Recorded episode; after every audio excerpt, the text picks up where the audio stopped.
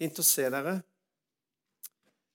At dere ville komme i kveld. Jeg sa til Britt i dag at jeg lurer på om det kommer noen folk i kveld, for jeg vet om veldig mange som ikke kommer. Men, men jeg vet jo ikke om hvem som kommer. Men jeg, jeg hadde en avtale med Jostein. Han sa, lovte på søndag at han skulle komme, så da sa jeg ja, da kommer det iallfall én. Så, så det var bra. Men dette ser jo bra ut. Veldig fint å få lov til å å være sammen, syns jeg, da, på denne måten her. Eh, det er noe av det jeg liker aller best, for å si det sånn. Så eh, jeg er veldig glad for den muligheten til å kan være sammen på denne måten her.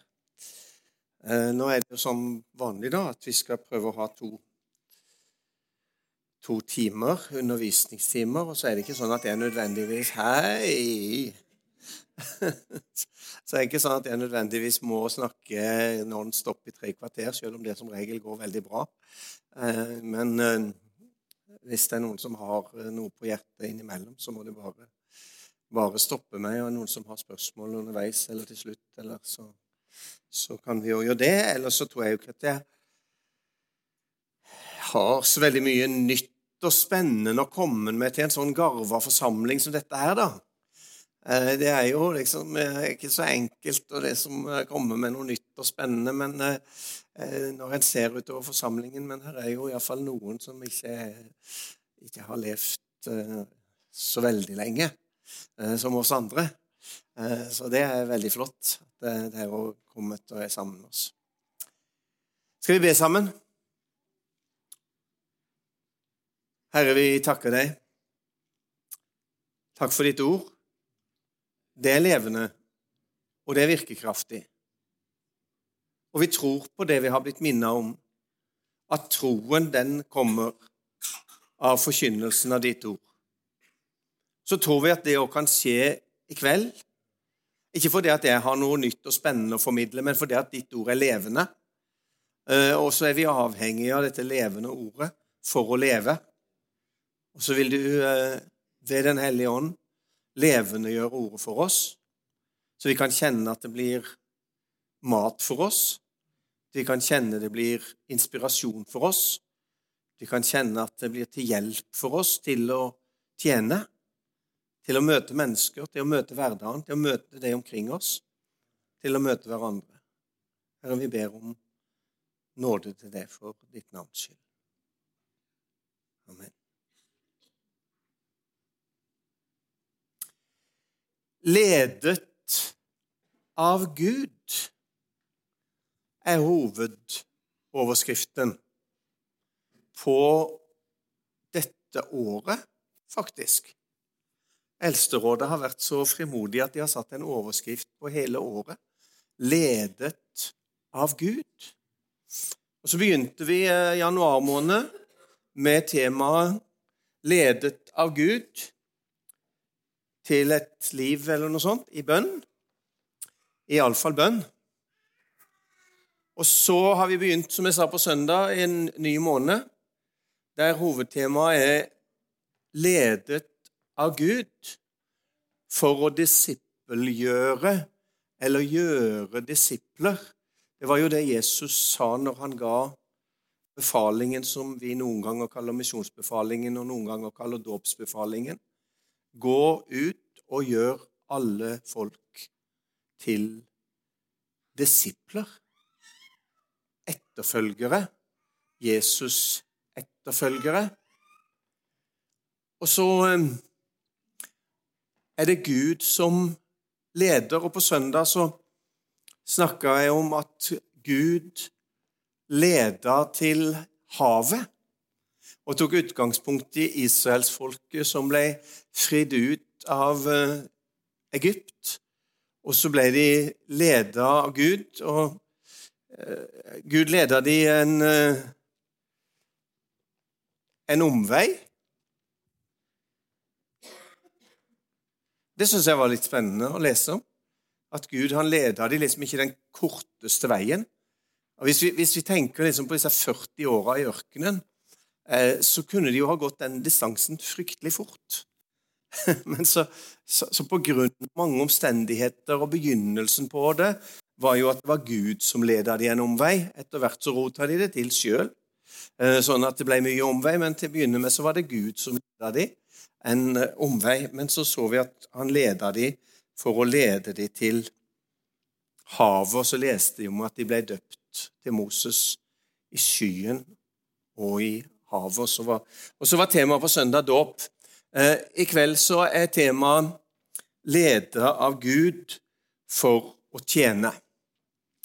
Jeg har lyst til å ta utgangspunkt i noe av det kanskje mest kjente som vi har. Salme 23. Herren er min hyrde. Jeg mangler ikke noe. Han lar meg ligge i grønne enger. Han leder meg til vann der jeg finner hvile. Han gir meg nytt liv, han fører meg på rettferdighetsstier for sitt navns skyld. Han leder meg, han fører meg. Og så leser vi altså Han leder meg til vann, der jeg finner hvile.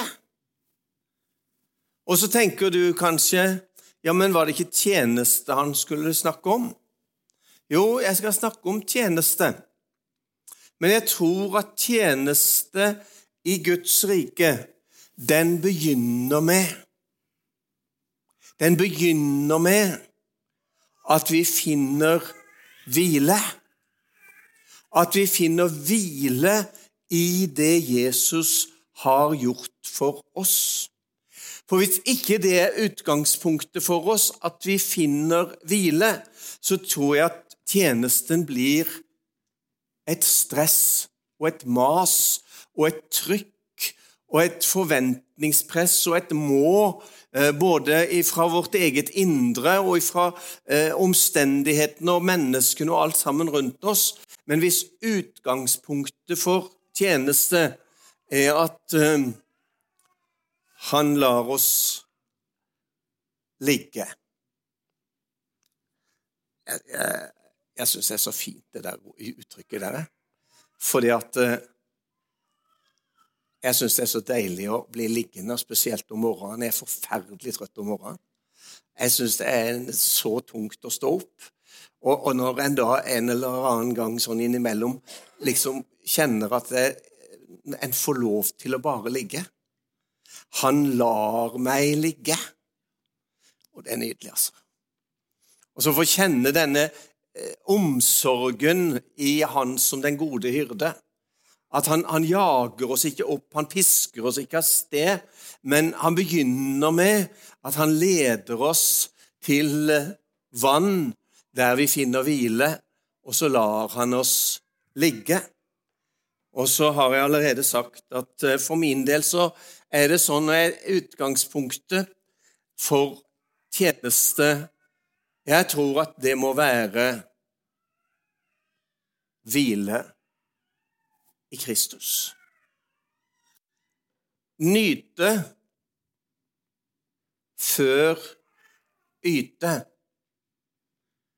Vi er egentlig opplært til at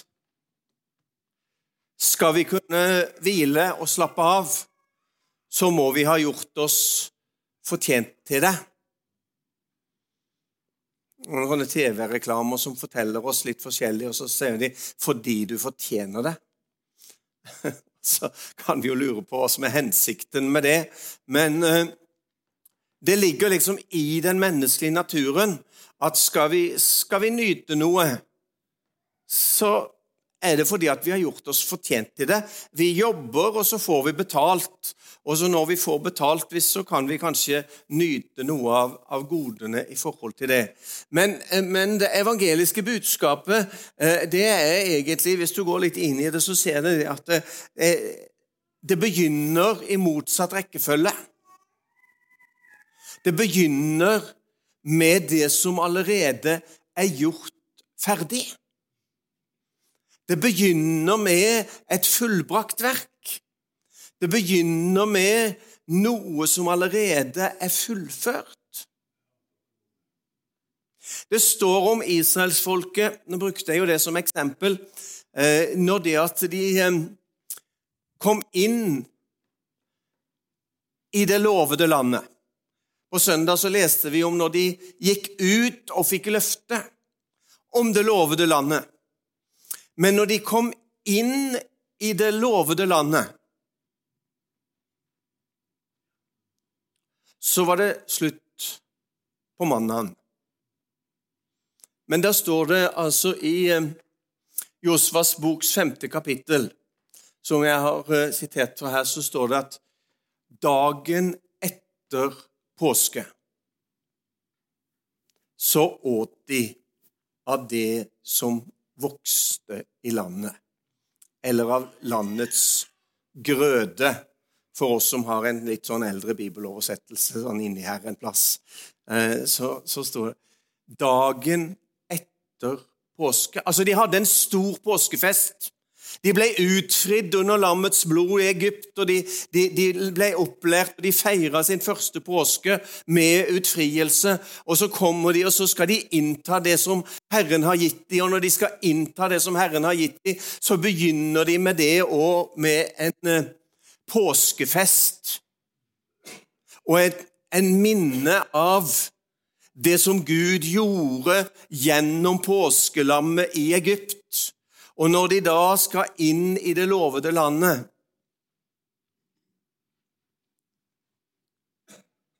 Så hadde de ikke tid til å pløye og harve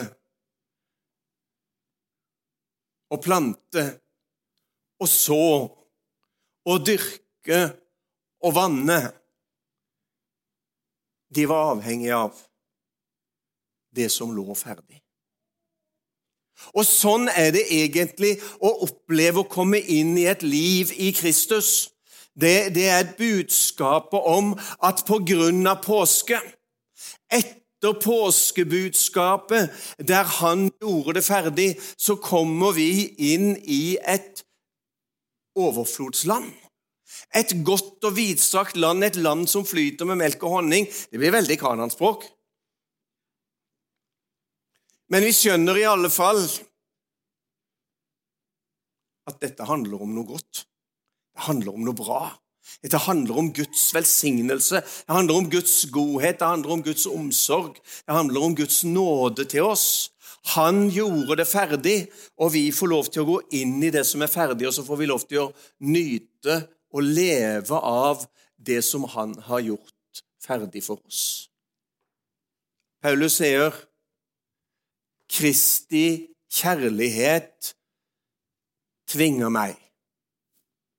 Når det gjelder tjeneste, eh, så har jeg en følelse av at mange ganger så er det litt sånn lett for at, eh, at vi legger byrder på hverandre. Vi legger forventninger på hverandre. Eller vi legger forvent Noen av oss er kanskje hardest med, med oss sjøl. At vi legger mest forventninger på oss sjøl. Og så, og så blir det en sånn derre trykk på at uh, Ikke er vi gode nok, og ikke gjør vi nok, og ikke strekker vi til, og alt det der. der. Men så forteller Paulus noe om hva som er drivkraften hans i tjeneste. Det er ikke Eldsterådets forventning eller noen andres forventning. Men han sier Kristi kjærlighet tvinger meg. Vi elsker fordi han elsker oss først. Og Derfor tror jeg det er så viktig for oss å få denne herre Kristus-herliggjørelsen synlig for øynene våre, at vi får se at Jesus er stor. At vi får se at Jesus er mektig, at vi får se det han har gjort for oss. Han har gjort alt vi trenger, han har, han har gitt oss alt vi trenger. Og så kjenner vi det at eh, som et gjensvar på det han har gjort og det han har gitt oss, så ønsker vi, så kjenner vi denne guddommelige kjærligheten i oss. Den blir en drivkraft. For det er jo ikke hensikten at vi skal bli liggende hele dagen. Altså På et eller annet tidspunkt så må jo jeg opp av senga og komme meg i gang. ikke sant? Selv om jeg syns det er aldri så, så godt å ligge der.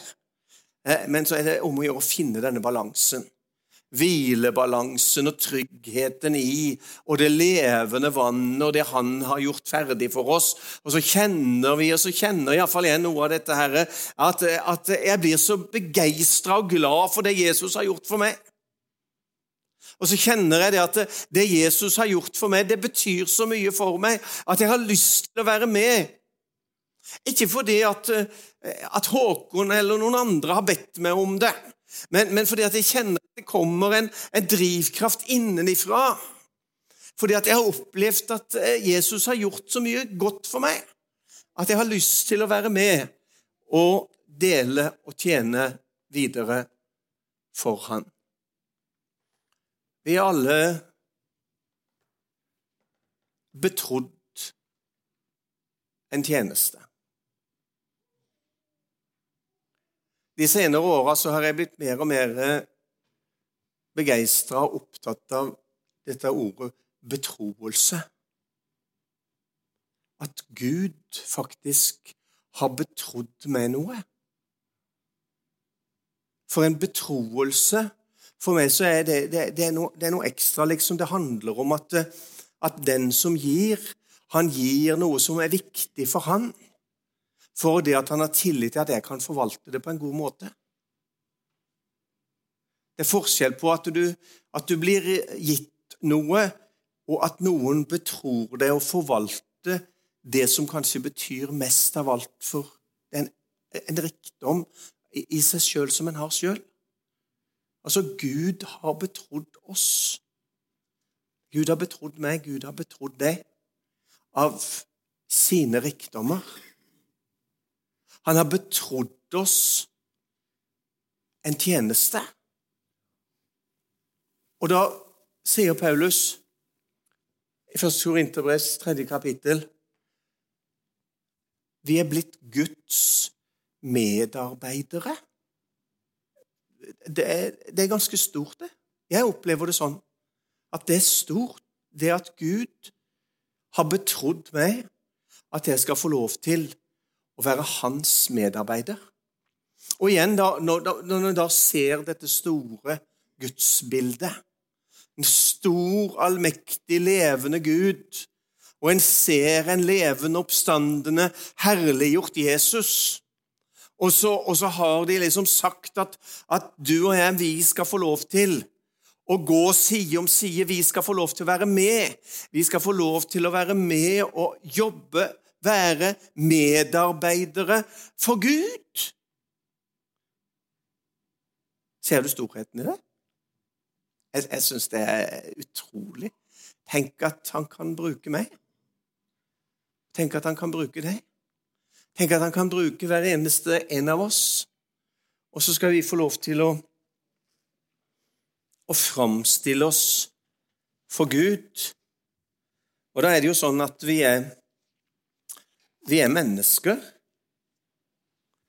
Vi er jo ikke noen sånne eh, åndelige, svevende et eller annet, men, men vi er mennesker eh, som lever på jorda med ånd, sjel og legeme.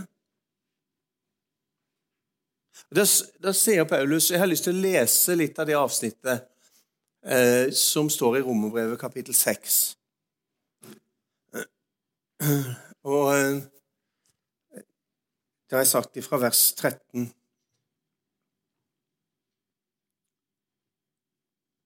Og der står det:" Og still ikke lemmene deres til tjeneste for synden som våpen for urett, men still dere selv og lemmene deres til tjeneste for Gud, som våpen for det som er rett for dere var døde, men er blitt levende.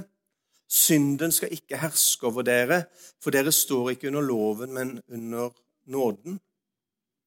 Hva så skal vi synde fordi vi ikke er under loven, men under nåden? Slett ikke. Vet dere ikke at når dere går i tjeneste hos noen og adlyder han, da blir dere hans slaver? Dere blir enten slaver under synden, og det fører til død, eller slaver under lydigheten, og det fører til rettferdighet. Men Gud være takk, dere som før var syndens slaver, er nå av hjertet blitt lydige mot den lære som dere er blitt overgitt til. Dere ble satt fri fra synden og er blitt slaver for det som er rett. Jeg bruker et bilde fra dagliglivet fordi dere er svake av kjøtt og blod.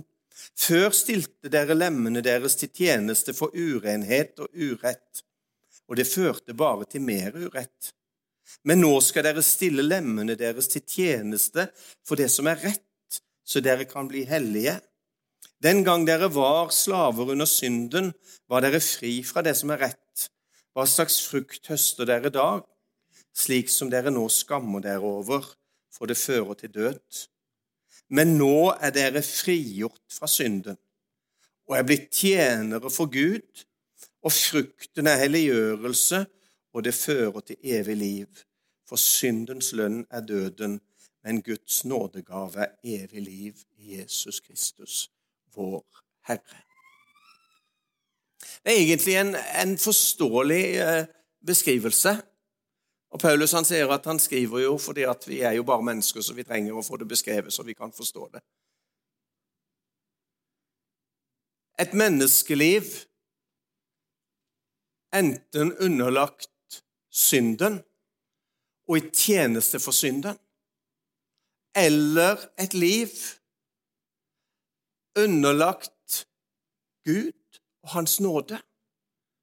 Og bruk kroppen deres, lemmene deres, livene deres som redskap for Gud. Det er egentlig det han sier. Nå er dere blitt frigjort ifra synden. Nå er dere gått inn i Guds tjeneste. Altså Den der overgangen eh, som kanskje for mange av oss som sitter her i kveld, eh, som liksom har vært med hele veien, så, så, så, så syns vi kanskje det at overgangen den har ikke vært så veldig dramatisk. Eh, for vi, vi syns kanskje ikke at vi har vært sånne veldige aktive tjenere for synden og alt det der eh, greiene der. Eh, vi har liksom, vi har liksom vært med hele veien og fått, vært beskytta av Guds nåde. og Det er virkelig noe å være takknemlig for. Men, men jeg tror det er viktig for oss så at at vi ser denne kontrasten i forholdet mellom det å være underlagt synden og syndens vesen, og det å få lov til å oppleve, for det har vi fått lov til å oppleve, at vi er blitt fri fra synden. Og vi kan jo Ingen av oss som kan gå rundt og rose oss og si at vi har ikke, vi har ikke greie på hva synd er for noe. For vi har ikke vært borti det. Vi har gått i menigheten hele livet. sånn at vi, vi, er, ikke, altså vi er jo ikke der. Heldigvis. Vi kjenner da vårt eget liv så godt at vi vet hva dette dreier seg om. Men nå er oppfordringen i Papaulus i dag til oss om å framstille kroppen vår, livet vårt, legemet vårt, bli brukt. La livet vårt bli brukt som tjenere for Gud. Og Så bruker han dette her litt sånn sterke uttrykket om å være trell eller slave. Og så kan vi veldig lett forstå når uttrykket blir brukt i forhold til synd og ugudelighet så kan vi lett forstå dette her at vi, at vi er slaver under synden. Det er ikke så lett kanskje for oss å se den samme sammenhengen når det gjelder i forhold til Gud. Men da snakker vi egentlig om disippelskap. Da snakker vi egentlig om etterfølgelse. Dere ble satt fri fra synden og er blitt slaver for, eller treller for, rettferdigheten. Når Paulus presenterer seg sjøl noen ganger, så presenterer han seg som Jesu Kristi trell. Og i det så ligger det egentlig ikke noe trelldom, men det ligger et vitnesbyrd om at han er bundet til Jesus. Jeg er bundet fast til Jesus bundet fast med evig bånd, synger vi en sang. Gjorde iallfall. Hva handler det om? Det handler om å bruke livet sitt i etterfølgelse. I etterfølgelse, i disippelskap. Still dere til disposisjon. Til disposisjon for Gud. Han har betrodd oss en tjeneste. La oss stille oss til disposisjon. Framstill kroppen deres. Så er vi blitt betrodd en tjeneste. Og så er det heldigvis ikke sånn at når Gud betror oss en tjeneste, så overlater han oss deretter til seg sjøl og sier at nå får dere greie dere som best dere kan. Nei, han har lovt å gi oss utrustning, og han har lovt å gi oss kraft, og han har lovt å være med oss. Og det syns jeg er både godt og viktig å få med seg. At Gud betror oss tjeneste, men han slipper oss ikke der. Han har lovt å være med oss. Han har lovt å utruste oss. Han har lovt å gi oss kraft. I 1. Peters brev, kapittel 4, så sier Peter ettersom enhver av dere har fått en nådegave. Enhver av dere har fått en nådegave. Du er klar over det? At du har fått minst én nådegave. Vi leste nettopp Guds nådegave evig liv i Jesus Kristus, vår Herre. Så der har du iallfall én. Du har fått en nådegave som er evig liv, men her er det snakk om en nådegave til tjeneste, for han sier ettersom enhver av dere har fått en nådegave, så tjen hverandre med den. Du er betrodd en tjeneste. Jeg har blitt betrodd en tjeneste. Har fått en gave. En nådegave. Ikke fordi at jeg har fortjent det, eller du har fortjent det, men vi har fått en gave av nåde som Gud har betrodd oss. Og så sier han den skal dere bruke til å tjene hverandre. Tjene hverandre. Vi lever i en forferdelig egoistisk tid, dere. Vi gjør det. De fleste av oss er fryktelig opptatt med å dyrke våre egne behov og sørge for at vi sjøl har det bra, og sørge for at vi har det akkurat sånn som vi ønsker det, sånn helt primært. Og det ser vi gjennom hele samfunnsstrukturen vår. Eh, så, så er det en, en, en gjennomgående sånn dyptpløyende menneskelig egoisme. Hva er det de sier? Først meg selv, og så meg selv igjen. Og så min neste hvis det er til mitt eget beste. Det er ikke sånn det er et gammelt ordtak Men det er ikke det Guds ord sier. Guds ord sier at vi har fått en nådegave for at vi skal tjene hverandre med den som gode forvaltere. Som gode forvaltere av Guds nåde. Vi er altså satt til å forvalte Guds nåde. lede mennesker til Guds betingelsesløse kjærlighet, forvalte Guds nåde. Vi er ikke satt til å forvalte moralisme. Vi er ikke satt til å forvalte eh, pekefinger for å fortelle hverandre om åssen ting gjerne burde være, og sette ting på plass. Vi er, vi er kalt til å forvalte Guds nåde. Og drivkraften i forvalterskapet av Guds nåde, det er Guds kjærlighet, for det Kristi kjærlighet tvinger meg.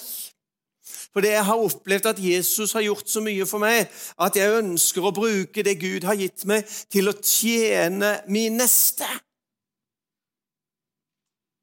I Guds nåde.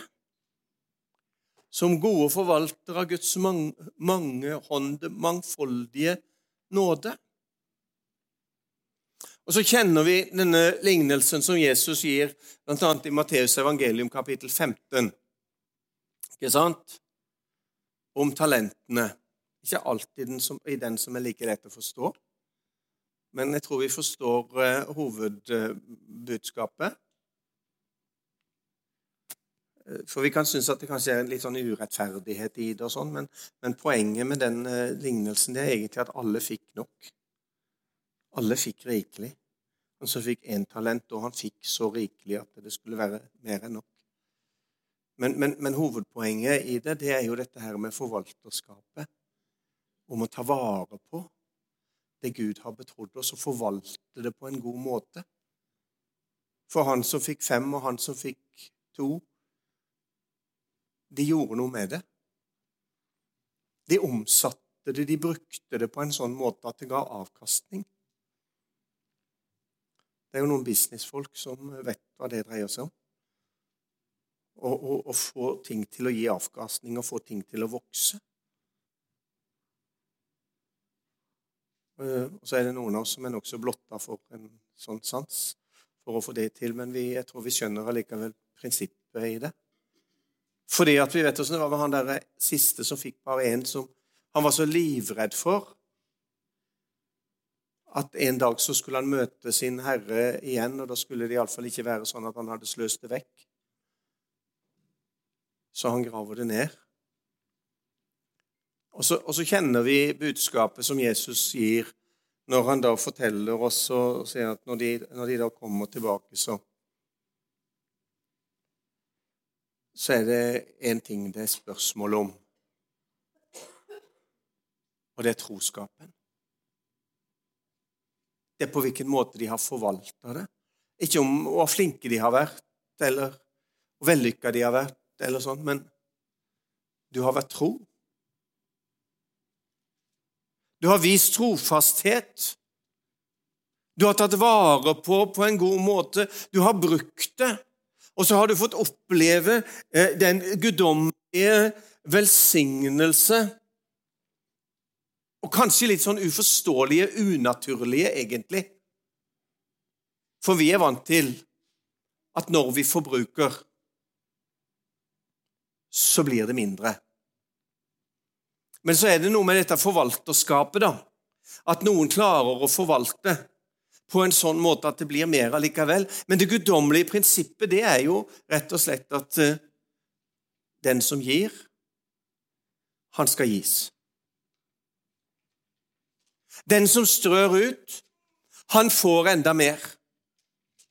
Det er et sånt forunderlig, guddommelig prinsipp på at uh, deler du det du har fått, så går det ikke tomt. Det er noen merkelige greier. Vi kan bli trøtte, ja, vi kan bli slitne, ja, men deler du av det Gud har gitt deg, så går det ikke tomt. Men, men det, det øker bare på.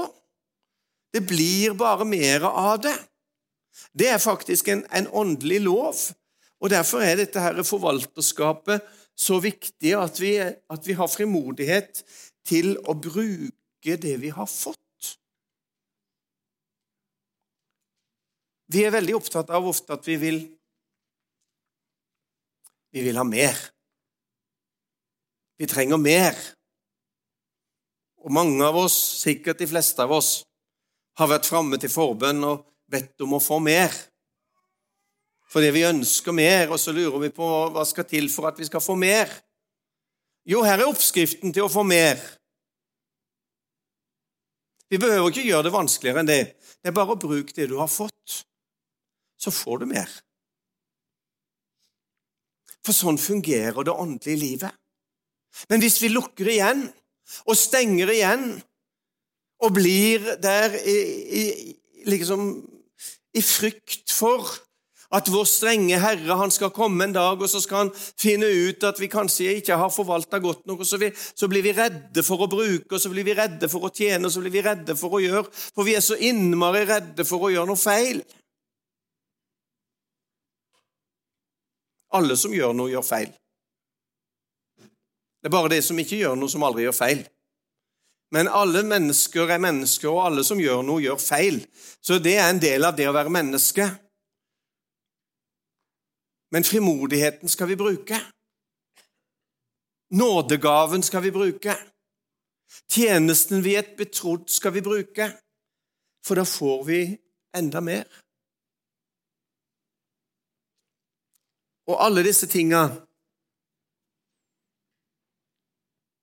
Det er gitt oss fordi vi har et felles oppdrag. Gå ut og gjør alle til disipler. Så hovedpoenget er jo faktisk ikke heller at jeg skal få mer. Men hovedpoenget er jo at vi skal være med og istandsette andre, hverandre. Utfylle hverandre, istandsette hverandre til å bli Jesus etterfølgere. Litt til. Jeg ser at eh, noen snart må ha kaffe nå. Det er ikke så veldig Jeg, jeg følger med klokka. Jeg har sånn klokke som teller ned her bak. Så jeg vet akkurat når jeg skal slutte. Så det skulle jeg bare ha visst. Så, så nå, er det, nå, er det, åtte minutter igjen til dere skal få kaffe. Det skal bli godt. Noen sånne Som jeg sa, det, dette er ikke, er ikke noe nytt. Men jeg syns for min egen del så så kjenner jeg at det, det, gleder meg, og det inspirerer meg hver gang jeg liksom kommer bort i det. For det å tjene Gud, det handler om å tjene sammen med, i fellesskap med andre. Guds rike består ikke av solospillere. Guds rike består ikke av store stjerner. Guds rike består ikke av mennesker som kan alt. Det var, det var min store frustrasjon eh, når jeg som ganske ung skulle begynne som evangelist, som det heter da. Vi skulle begynne som evangelister, og hvis det var noe to i oss og litt ekstra i oss, så kunne det hende at vi kunne vokse til at vi kunne bli forstander og sånn etter hvert. Eh, hvis det var noe, Men først så måtte vi være evangelister. Eh, jeg har aldri klart å falle til ro i den, for det har aldri vært meg. Men eh, det er nå en helt annen sak. Men, men, det var jo sånn den gangen, iallfall opplevdes det, føltes det sånn, at når en ung evangelist kom til en menighet, så skulle han kunne alt.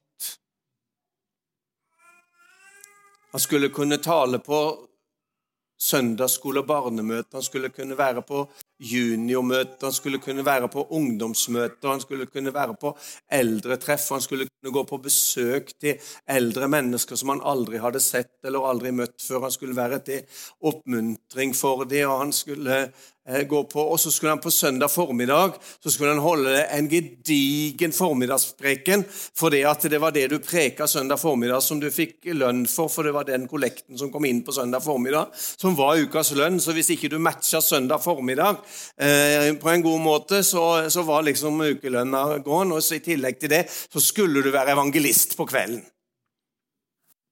Eh, det, det, det var litt sånn forventning. Eh, jeg tror, vi, jeg tror, dere som var menighetsfolk, også kanskje må innrømme det. At det var litt sånn forventning. Den der, men, men, den predikanten fins jo ikke. Eh, og heldigvis for det. Og det, det, det fins ingen sånne eh, i Guds rike eh, som kan matche og, og, og klare alle greiene. Men vi er satt inn i et fellesskap. Det er jo derfor Peter sa vi skal tjene hverandre. Med den nådegave som er gitt oss. Og det er jo derfor eh, Paulus i, i 1. Korinterbrev 12 bl.a. bruker dette her kjente bildet med kroppen eller legemet. Altså, eh, Hvis alle var øye, åssen ble det da? Hvis alle var hånd, åssen ble det da? Ikke sant? Altså, Hvis alle eh, var én ting for, for, vi har jo veldig lett for liksom å å se opp til noen som vi tenker Hadde vi bare vært sånn, så skulle vi ha fått det til. For han er jo så fantastisk. Han ber så godt og vitner så godt og er så frimodig og, eh, ikke sant? og er frimodig ute. Og, og, eh, ikke sant? Hadde vi bare vært sånn, så Det gikk en stund før jeg innrømte for meg sjøl at eh, Kjell, du blir aldri sånn. Og det er ikke noe mål heller at du skal bli sånn. For jeg får jo da lov til å tro og så får du lov til å tro at du har fått din plass på legemet. Og så har jeg fått min plass på legemet. Og så er det forskjellige plasser på legemet. Og så er det helt nødvendig for at det skal fungere. For Guds menighet og Guds rike fungerer ikke med enkelte solospillere som tror at en kan alt men vi skal få lov til ved Guds nåde å være med i et fellesskap. I en gammel eh, bibeloversettelse så sto det for at de hellige skal bli fullkommengjort til tjenestegjerning, til Kristi legemes oppbyggelse. Hva handla det om da? Det handla om at vi var forskjellige. Vi hadde ulike nådegaver. Vi hadde ulike tjenestegaver. For at vi til sammen for at de hellige menigheten til sammen skulle bli fullkommengjort. Og jeg har tro på det, dere. Hvis hver eneste en av oss får lov til å fungere i og ut ifra den nådegave som Gud har gitt oss, så tror jeg det at menigheten har det som trengs av ressurser, av tjenester, av gaver, av kraft, av nåde, for å kunne tjene maksimalt. Til og med i Drammen, til og med i 2020. Så tror jeg faktisk det. Fordi at han har satt oss på legeme. Eh, og så, så, er jo det en, en bibeltime for seg sjøl, og også ikke minst det neste greiene her, det er jo sånn som jeg har holdt på med ganske mye, egentlig, har brukt mye tid på, og, og som er kjempespennende. Eh, jeg snakka om bygging av tempelet, eh, og åssen alle de forskjellige ressursene og ressurstilgangen kommer, fordi at alt det forskjellige var nødvendig for at det skulle bli sånn som Gud hadde bestemt at det skulle være. Altså, Gud ga en tegning til Moses. Sånn skal det være. Og så forteller han i detalj om åssen dette skal utformes av forskjellige materialer for at det skal bli sånn som bildet er. Og så er jo dette gammeltestamentlige tempelet bare et eksempel på det som kalles den levende Guds menighet. Det var jo bare et forbilde på det som er vårt liv og vår hverdag. Og, og, og Når det eksempelet liksom framstilles i Det gamle testamentet, eh, så er det en billedbruk som er så, så er rik og så mangfoldig, og som forteller oss så rikt og så mangfoldig at eh, vi trengs alle sammen for å gjøre disipler i vår tid. Så trengs du med ditt, og så trengs jeg med mitt. Og så har jeg hver gang jeg har lest denne teksten, så har jeg liksom latt meg imponere over denne duken som skulle lages av geitehår. For jeg har liksom sett for meg det som kom med gull og med sølv og med alt dette fine. Og bar det framfor Gud og tenkte at ja, verden så flott. Gud må være imponert over alle disse fine som kommer med alt det fine. Men for at det skulle bli sånn som Gud hadde bestemt, så var det nødvendig at noen kom med bonden sin med geitehår. Den var like viktig som gullet. Det så ikke så prangende, det så ikke så flott ut, men det var en nødvendig del for at det skulle bli etter det bildet som Gud hadde vist. Derfor er ditt og mitt bidrag like viktig enten de menneskers øye er gull eller det er geitehår. De kom med det de hadde, og så ga de seg sjøl først til Herren. Og så sto byggverket der og herliggjorde Herrens herlighet. Ja, nå er jeg på overtid. Fem sekunder. Så nå er det kaffe.